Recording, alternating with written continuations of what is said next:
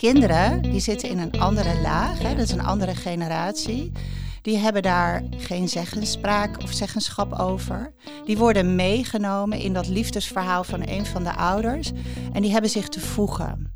En voor sommige kinderen gaat dat heel gemakkelijk, omdat ze ook heel blij zijn met de verandering die er is, omdat het voorheen echt niet te houden was. Ja. Maar de meeste kinderen hebben daar een proces in te doorlopen. En dat proces is echt een rouwproces waarin ze op het moment dat of de vader of de moeder besluit om te gaan wonen met een nieuwe partner, ehm, gaat ook over het loslaten van het diepe verlangen dat de ouders ooit toch weer bij elkaar komen. Ja. Want heel veel kinderen hebben dat eh, heimelijk. Van wie weet komt het nog goed. Ja. En komen mijn ouders weer bij elkaar. Welkom bij De Opvoedkast.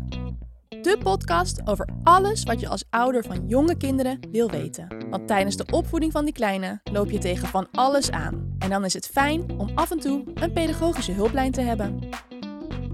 Hi Janine, daar zitten we weer. Hey, hallo. Hallo luisteraars. Wanneer je als ouders uit elkaar gaat, dan kan dat voor iedereen in het gezin best een heftige tijd zijn. Je krijgt niet alleen te maken met allerlei emoties en praktische zaken, maar ook met een heel nieuwe dynamiek. Als je dan vervolgens een nieuwe partner krijgt, al dan niet met eigen kinderen, kom je weer in een geheel nieuwe fase terecht, waarbij jullie met elkaar opnieuw een balans moeten vinden. En hoe doe je dat dan? En hoe zorg je dat je je kinderen niet uit het oog verliest? Daar hebben we het vandaag over met systemisch therapeut Janneke Kemner. Welkom. Dankjewel. Heel fijn dat je er bent. Eh, jij gaat hier vandaag eh, alles over vertellen. Eh, kun je jezelf heel eventjes voorstellen? Wie ben jij en wat doe jij? Nou, dankjewel. Super fijn om hier te zijn. Mijn, mijn naam is Janneke, Janneke Kemner. En als je vraagt wie ben je, dan is dat meteen zo'n vraag, hè? Wie ben je? Ik heb een bedrijf dat heet Live Your Inner Voice. En dat gaat voor mijn gevoel ook heel erg over mijn levenspad, wie ik ben. Ehm, ik ondersteun mensen om in verbinding te komen met hun innerlijke stem, die verbonden is met je authentieke kern. En interessant genoeg drijven we daar allemaal in de loop van de tijd door allerlei omstandigheden vanaf. En ik ondersteun om daar weer bij terug te keren. En mensen die bij mij komen, die hebben een bepaalde trigger gehad.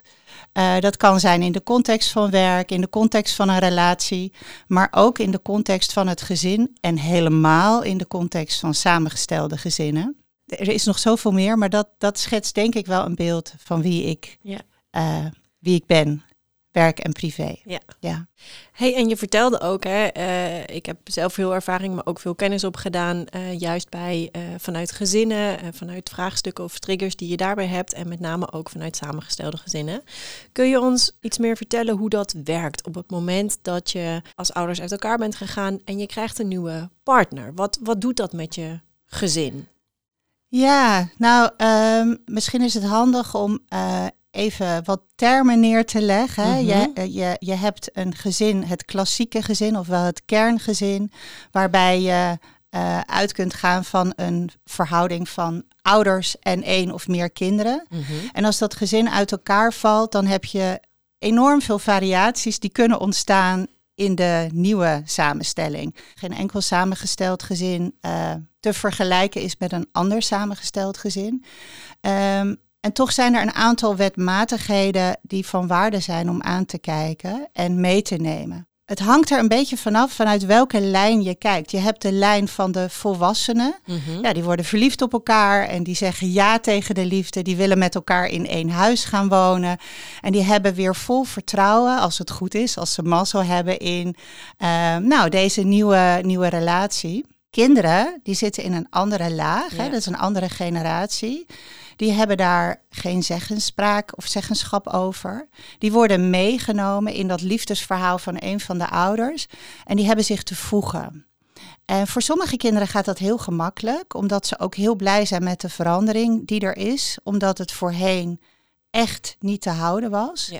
Maar de meeste kinderen hebben daar een proces in te doorlopen. En dat proces is echt een rouwproces waarin ze op het moment dat of de vader of de moeder besluit om te gaan wonen met een nieuwe partner, um, gaat ook over het loslaten van het diepe verlangen dat de ouders ooit toch weer bij elkaar komen. Ja.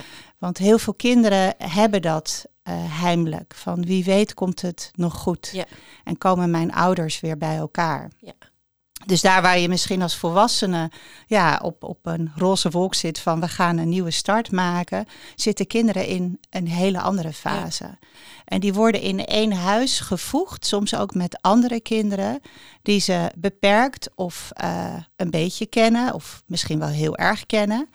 Uh, maar dat zijn geen broers en zussen. Dus Nee. daar, daar zijn de verhoudingen, de, de, de banden onderling wezenlijk anders. En de kern van mijn werk is, en ook mijn zoektocht zelf is geweest, van wat is mijn plek binnen dit samengestelde gezin en wat is wel en niet aan mij. Ja. Hoe helder je dat hebt, hoe makkelijker het is om mee te veren met al die verschillende dynamieken. Mhm. Ehm, dus daar begint het. Wie ben ik in deze relatie? Waar ten opzichte van ons staat mijn ex-partner? Mhm. Eh, als dat de vader of de moeder is van jouw kinderen. Want die heeft een plek, ook al woont hij niet in Ja. het huis. Ja. En hoe werkt dat? Eh, hoe verdeel ik mijn aandacht en ehm, waar bemoei ik me wel en niet mee als het om mijn kinderen gaat en de kinderen van mijn partner? Ja, dus die ehm, verhoudingen zijn eigenlijk essentieel om meteen aan het begin al gewoon duidelijk te hebben voor jezelf als basis. Ja, en dat, dat klinkt aan de ene kant heel logisch en heel gemakkelijk, eh, maar dat is best een complex web. Ja, Dus en, eigenlijk wat je dan zegt is dat op het moment dat je in dit hele proces zit met een nieuwe partner of wat dan ook, is het eigenlijk belangrijk om in eerste instantie even bij jezelf stil te staan en op jezelf te focussen. Waarin je misschien als ouder sneller geneigd zou zijn. Ik moet alles in dienst van mijn kind zetten om te zorgen dat die mee kan in dit gezin, in de nieuwe structuur, in de nieuwe ritme en patronen. Maar eigenlijk moet je eerst dat voor jezelf even helder hebben Ja, en vormgeven, bewust van zijn voordat je je kind daarin mee kan nemen. is er ruimte voor die innerlijke stem van het kind?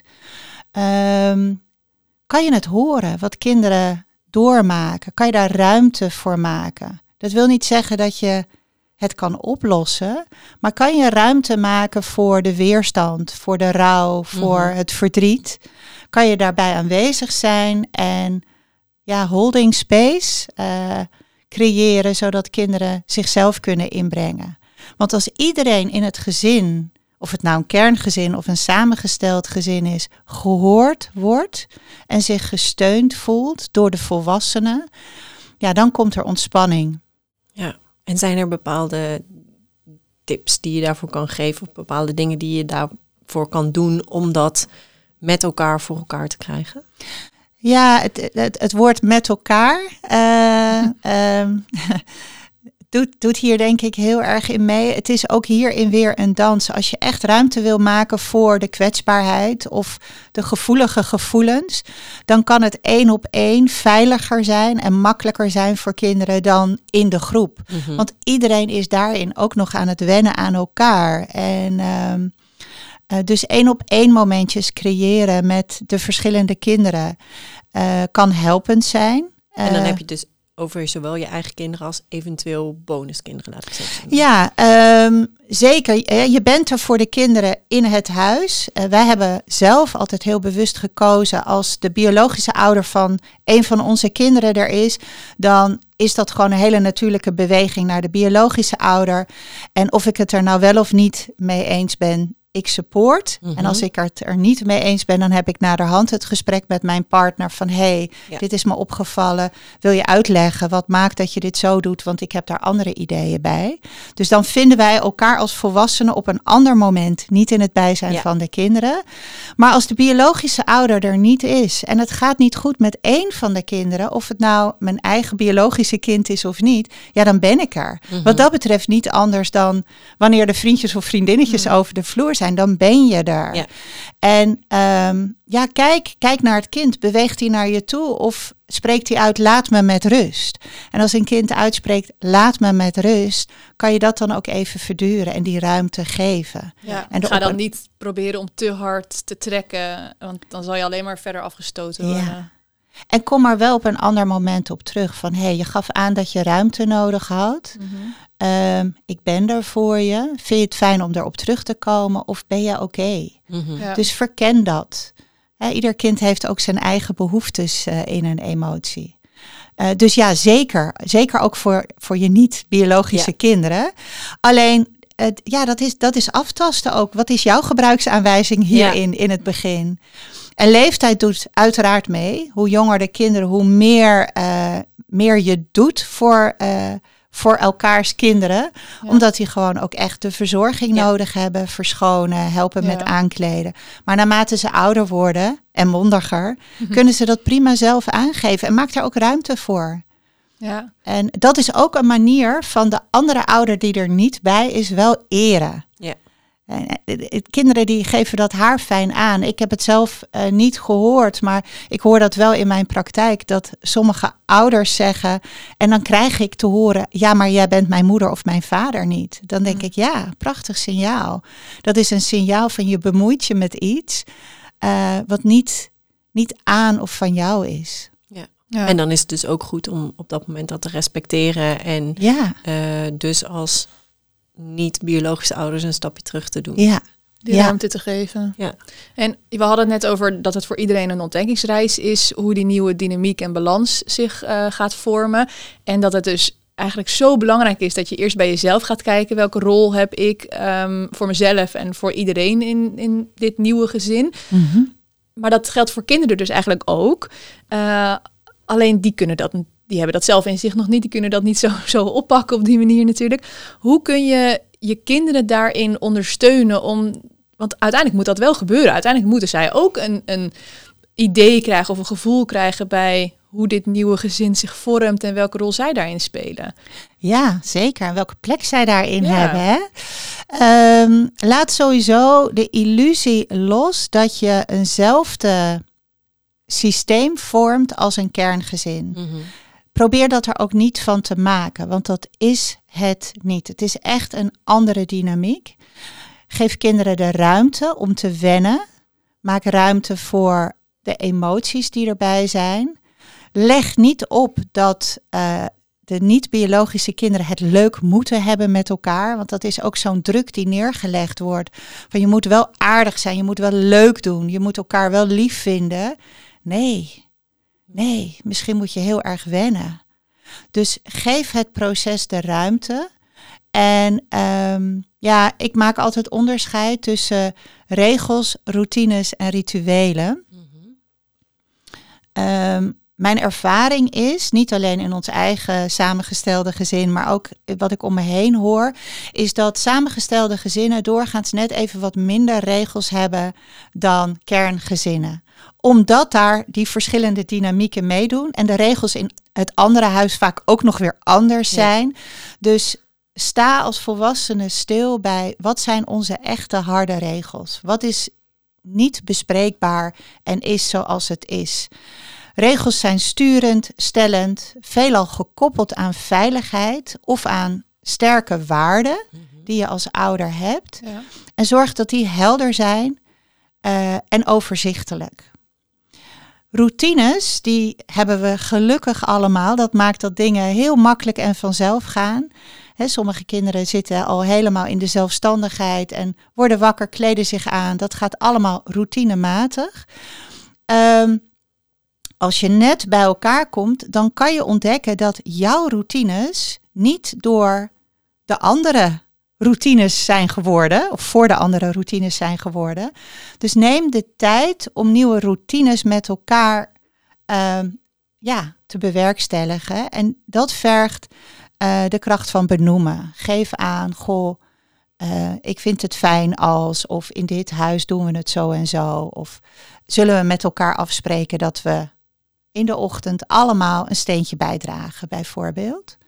En dat vergt weer nieuwe investering. Daar waar het voorheen geautomatiseerd was, heb je nu daar weer tijd in te investeren. Ja. En maak echt de ruimte voor rituelen. Rituelen, dat is in mijn beleving um, het gouden ingrediënt voor ieder samengesteld gezin. Uh, rituelen staan voor mij voor dat wat je inzet om momenten te creëren waarin je de verbinding aangaat, waarin je aandacht hebt, afgestemd op de specifieke behoeften van een ieder. En dat is enerzijds tussen jou en je liefdespartner, want dat wat jullie verbindt, als er nog geen kinderen bij zijn gekomen, is primair liefde. Niet de kinderen, want die Mhm. zijn niet van jou samen. Ja. Dus eh, de liefde is dat wat verbindt. Dus creëer genoeg rituelen om tijd te besteden aan die liefdesrelatie. En creëer momenten die speciaal zijn voor ieder kind, waar zij ook ja tegen zeggen. Ja. En als ik hem dan helemaal concreet maak, kinderen gaan vaak van het ene huis naar het andere huis. Dat is een overgang. Dat is voor kinderen echt wel even schakelen. Hoe doe je dat? Pak je heel snel en gehaast die tas in, chase je met de auto naar het andere adres en drop je daar de spullen, al dan niet in verbinding met de vader of moeder van je kind en ren je weer weg of chase je weer weg? Of vertraag je in dat moment en schenk je daar even echt aandacht aan? Heb je een tas die zich specifiek leent voor het heen en weer reizen van adres 1 naar adres 2? Sta je stil bij wat er in die tas gaat? Bespreek je de overgang? Geef je een bewuste knuffel? Zeg je bewust gedag? Het klinkt zo eenvoudig. Ehm, Ik denk dat we ook heel vaak onderschatten hoe ehm, moeilijk en belangrijk overgangen zijn voor kinderen. Nou, eigenlijk voor volwassenen ook, maar ehm, voor kinderen helemaal. Ja. ja, zeker als je bedenkt, hè, je zegt ook de regels eh, zijn anders in beide huizen. Dus dat betekent ook letterlijk dat je kind zich moet omvormen naar, oh, ik ga nu naar dit huis en daar mag dit niet. Of Ja. daar mag dit wel. Dat heeft natuurlijk ook verwerkingstijd nodig ja, voor je kind om te zeggen, oh ja, ja. in dit huis moet het zo. Ja. Ja, en, en, en daar ligt eigenlijk alweer meteen een ingrediënt om een beetje af te drijven van jezelf. Hè? Dat je vooral heel erg bezig bent met hoe moet het hier, hoe moet het daar, in plaats van wat heb ik nodig. Ja. Dus blijf ruimte maken ook voor wat de kinderen zelf nodig hebben. En dat lukt alleen maar door die momenten van aandacht en vertraging in te bouwen. Maar daar heb je dus ook wel je ex-partner in dat geval. Zeker als je het even specifiek hebt over die overgangsmomenten of die overdrachtsmomenten. Daar heb je natuurlijk ook je ex-partner voor nodig. En dat kan in sommige ehm, ex-relaties best nog wel eens complex liggen. Omdat ja, ouders misschien niet meer zo goed met elkaar door één deur eh, kunnen. Hoe, hoe kun je daar eh, vorm aan geven? Ja, je- eh, er zijn situaties waarin herstel eh, en normaliseren van die verhoudingen onmogelijk lijkt. Ik ben wat dat betreft misschien heel naïef. Ik houd altijd hoop dat er bewegingen mogelijk zijn. Wat helpend is, is als je kijkt naar wat kan ik wel. Hè, je wordt zo snel ook slachtoffer van Mhm. dat wat er niet is, dat wat niet kan. Ja, dat heeft impact als het gaat over de overdracht bij de deur van het huis van die ander. Misschien ben je zelfs niet eens welkom op de oprit of Ja. bij de Mhm. voordeur. Hè, dat kan. Eh, dus daar, daar liggen grenzen in wat je in het hier en nu kunt doen. Maar alles wat je in je eigen huis doet, alle zaadjes die je daar plant, voor de overgang daar waar die dan plaatsvindt, Ja. misschien wel bij jouw voordeur, daar heb je wel invloed op. Eh, je kan zoveel doen in jouw huis om die overgang gemakkelijker te maken. En als het kind zegt, ik zou heel graag willen dat je meegaat, ik wil niet alleen, dan is de verleiding soms heel groot om te zeggen, ja, ik zou wel mee willen, maar dat, dat mag niet van. Ja. Ga het niet fixen, maar ga ook niet wijzen. Dat is voor kinderen heel helpend. En voor je het weet, zeg je dingen die helemaal niet dienend zijn aan, eh, aan de ontwikkeling van je kind. Je kind heeft maar één vader en één moeder. En die stromen letterlijk door het DNA, door het bloed van je kind. En daar zit een ongekende loyaliteit die groter is dan eh, ja, welke uitspraak die jij doet dan ook. Ja. Dus Eigenlijk eerder- verstoort dus je eigen relatie met je, met je eigen kind wanneer je over je ex-partner ehm, ja, kwade dingen, noem ik het maar even, gaat zeggen. Ja, het verraderlijke is in het moment zelf soms niet. Kan dat heel erg het gevoel geven van ik heb een bondje met mijn kind. Ja. Wij doen dit samen. Ja, en je kind komt naast je te staan als bondgenoot, terwijl je kind daar niet hoort te staan. Ja. Je kind hoort echt op de kindplek te staan. We hadden het net ook al even over dat het belangrijk is om je kind ruimte te geven. Of je bonuskinderen hadden het eigenlijk vooral over. Om die ruimte te geven wanneer die nog niet de behoefte hebben om eh, ja, zo close met jou te worden als jij dat misschien zou willen. Eh, maar andersom, als, als jouw kinderen ja, hun bonuspapa of mama eh, gewoon, nou ja, laat ik het even op mezelf betrekken. Ik heb, ik heb een, een bonusvader, een stiefvader en uh, mijn zusje en ik hebben het heel moeilijk gehad met zijn komst en hebben best wel wat, nou ja, we hebben zelfs de tandenborst in de wc gestopt. Dus we hebben echt... Dat weggepest. ja, ja, we hebben echt weggepest. Nee, maar dat, dat heeft best wel wat, um, ja, voor wat struggles gezorgd. Maar hoe kun je daar nou dus als ouder uh, voor zorgen? Want dan, dan ja, kan je wel tegen je, je nieuwe partner zeggen, geef ze de ruimte. Maar hoe kun je je kind daarin concreet helpen? Sowieso erkennen. Ik, dat is het eerste wat, wat bij mij naar boven komt als ik signaleer dat mijn kinderen moeite hebben met uh, gedrag van hun bonusvader. Uh, wat ik even afklop, uh, wat in ons gezin niet voorgekomen is. Niet omdat hij zo'n fantastisch mens is, want we hebben allemaal onze ups en downs.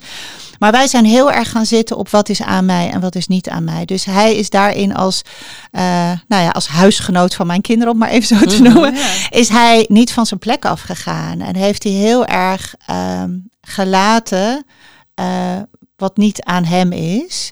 En dat heeft heel veel ontspanning en uh, uh, rust en ruimte opgeleverd.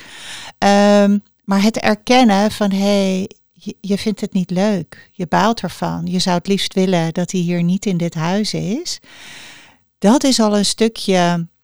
Ja. Ik zie jou. Ja, ik precies. Jou. Dan draait het om dat gehoord en gezien ja. voelen. Ja. ja. Nee, dus eigenlijk moet je je niet. kind ook gewoon de ruimte geven en, en een beetje ondersteuning geven om te vertellen waar die behoeften dus liggen. Waar we het net ja. over hadden. Wat hebben ze nodig? Ja, uh, stuur ze maar daarheen om ze dat zelf te laten vertellen. Eigenlijk kan dat al, zelfs op peuterleeftijd, kunnen ze ja. dat al uh, enigszins duidelijk maken natuurlijk, als jij maar die ruimte daarvoor geeft. Nou, gevoel is altijd een uiting van een daaronder liggende behoefte. En gevoelens kennen allerlei gradaties, uh, van onwijs enthousiast naar intens gefrustreerd en woedend. en behoeftes die daaronder zitten, zijn altijd positief. Die hebben altijd een goede bedoeling. En we reageren veelal op de gevoelens van kinderen. En uh, daar kunnen we wel of niet makkelijk bij zijn. Die corrigeren we soms zelfs. Uh, en we vergeten te kijken naar, maar welke behoefte ligt hieronder? Dus ik zou meteen nieuwsgierig zijn naar wat is de behoefte die onder jouw uh, emotie zat, jouw weerstand tegen jouw uh, bonusvader, stiefvader lag. Of zat, wat, welke behoefte zat daaronder? Wat had ja. jij nodig als jong meisje en wat had je zusje nodig? Ga echt op onderzoek uit, dus als ouder. Ja, ja, ja, daar ruimte voor maken. Ja. En, en is dat dan ook onderdeel van zo'n ritueel die je dus met um, een bonusouder richting kinderen van je partner? Um, nou, waar je voor wil waken is dat een ritueel een middel wordt om die relatie uh, nee. te fixen. Nee. Ja. een ritueel kan wel verbonden zijn met een behoefte. Dus stel dat, hè, dat is dan nu even hypothetisch, maar dat jouw behoefte was, ja, ik mis gewoon mama en uh, ik mis papa. Sinds hij er is, is dat zo veranderd. Dan zou je dus kunnen gaan kijken, kunnen we een ritueel introduceren uh, die bijdraagt aan jouw behoefte om één op één tijd te hebben met één van je ouders of los van elkaar, zeg maar, hè, allebei de ouders. En alleen dat al, als je als uh, uh, partner van je ouder helemaal ja kan zeggen tegen quality time tussen de ouder en zijn of haar kinderen. Hè, dat ze een weekend weggaan met z'n tweetjes of met z'n drietjes. En dat je dan niet per se mee wil, maar daar gewoon ja tegen zegt, omdat je weet dat dat zo belangrijk is. Dan kan het al zijn, zonder dat je verder iets doet, dat daarmee de relatie tussen jou en je bonuskinderen verbetert. Omdat ja. die dat onwijs fijn vinden dat je ze dat gunt. En ja. dan kan die relatie gaan groeien, omdat die niet bedreigend is voor andere relaties die zo belangrijk zijn ja. voor jou. Ja. ja. dat is het dan Mooi dus gezegd. misschien. Dus je moet je kind uh, laten voelen door dingen die je doet, of misschien dus dingen die je niet doet, um, dat je als bonusouder niet een bedreiging bent voor jouw echte, uh, je biologische ouder.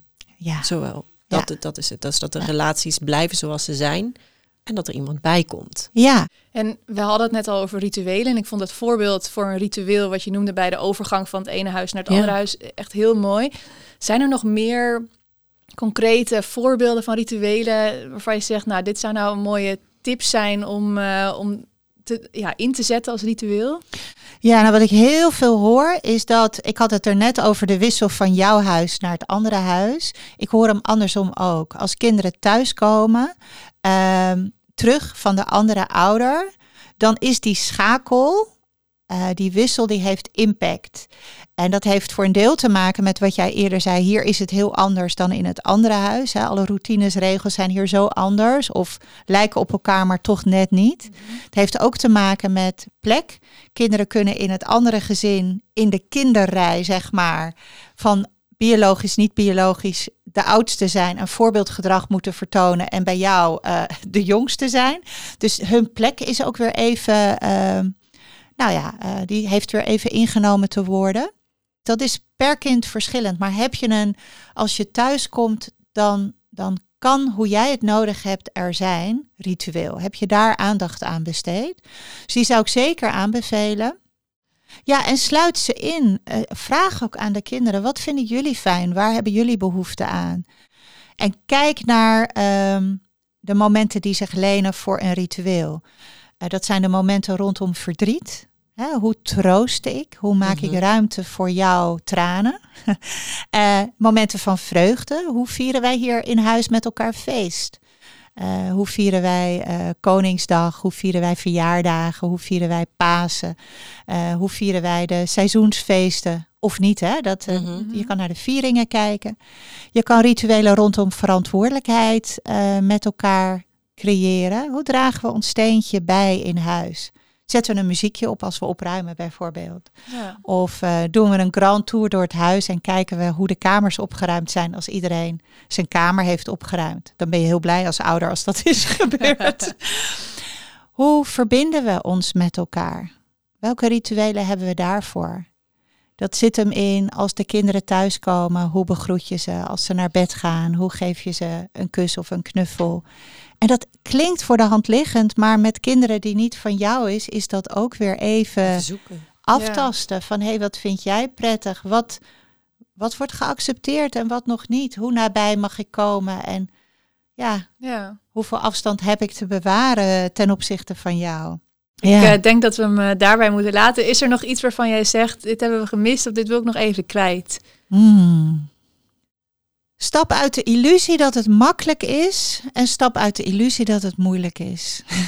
dat wil ik nog even kwijt. Nou, dat is een mooie afsluiter. Ja, ja. en neem je tijd. Nou, ja. hartelijk dank Janneke. Heel fijn. heel fijn. om je erbij te hebben. Uh, heel inspirerend om je verhaal te horen. En ik hoop echt dat veel ouders hier, de, hier wat aan hebben. Dat hoop ik ook. Dank jullie wel dat ik hier te gast mocht zijn. Uh, misschien wil je nog één keer uh, jouw boek benoemen uh, of je website waar ouders terecht kunnen als ze interesse hebben in.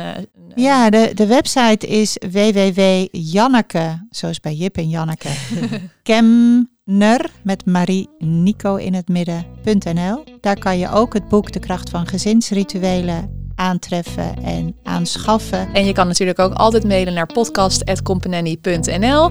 Ook voor je andere opvoed- of kindontwikkeling vragen. Um, we ontvangen jullie luisteraarsvragen graag. En um, tot de volgende keer. Tot de volgende keer. Dag.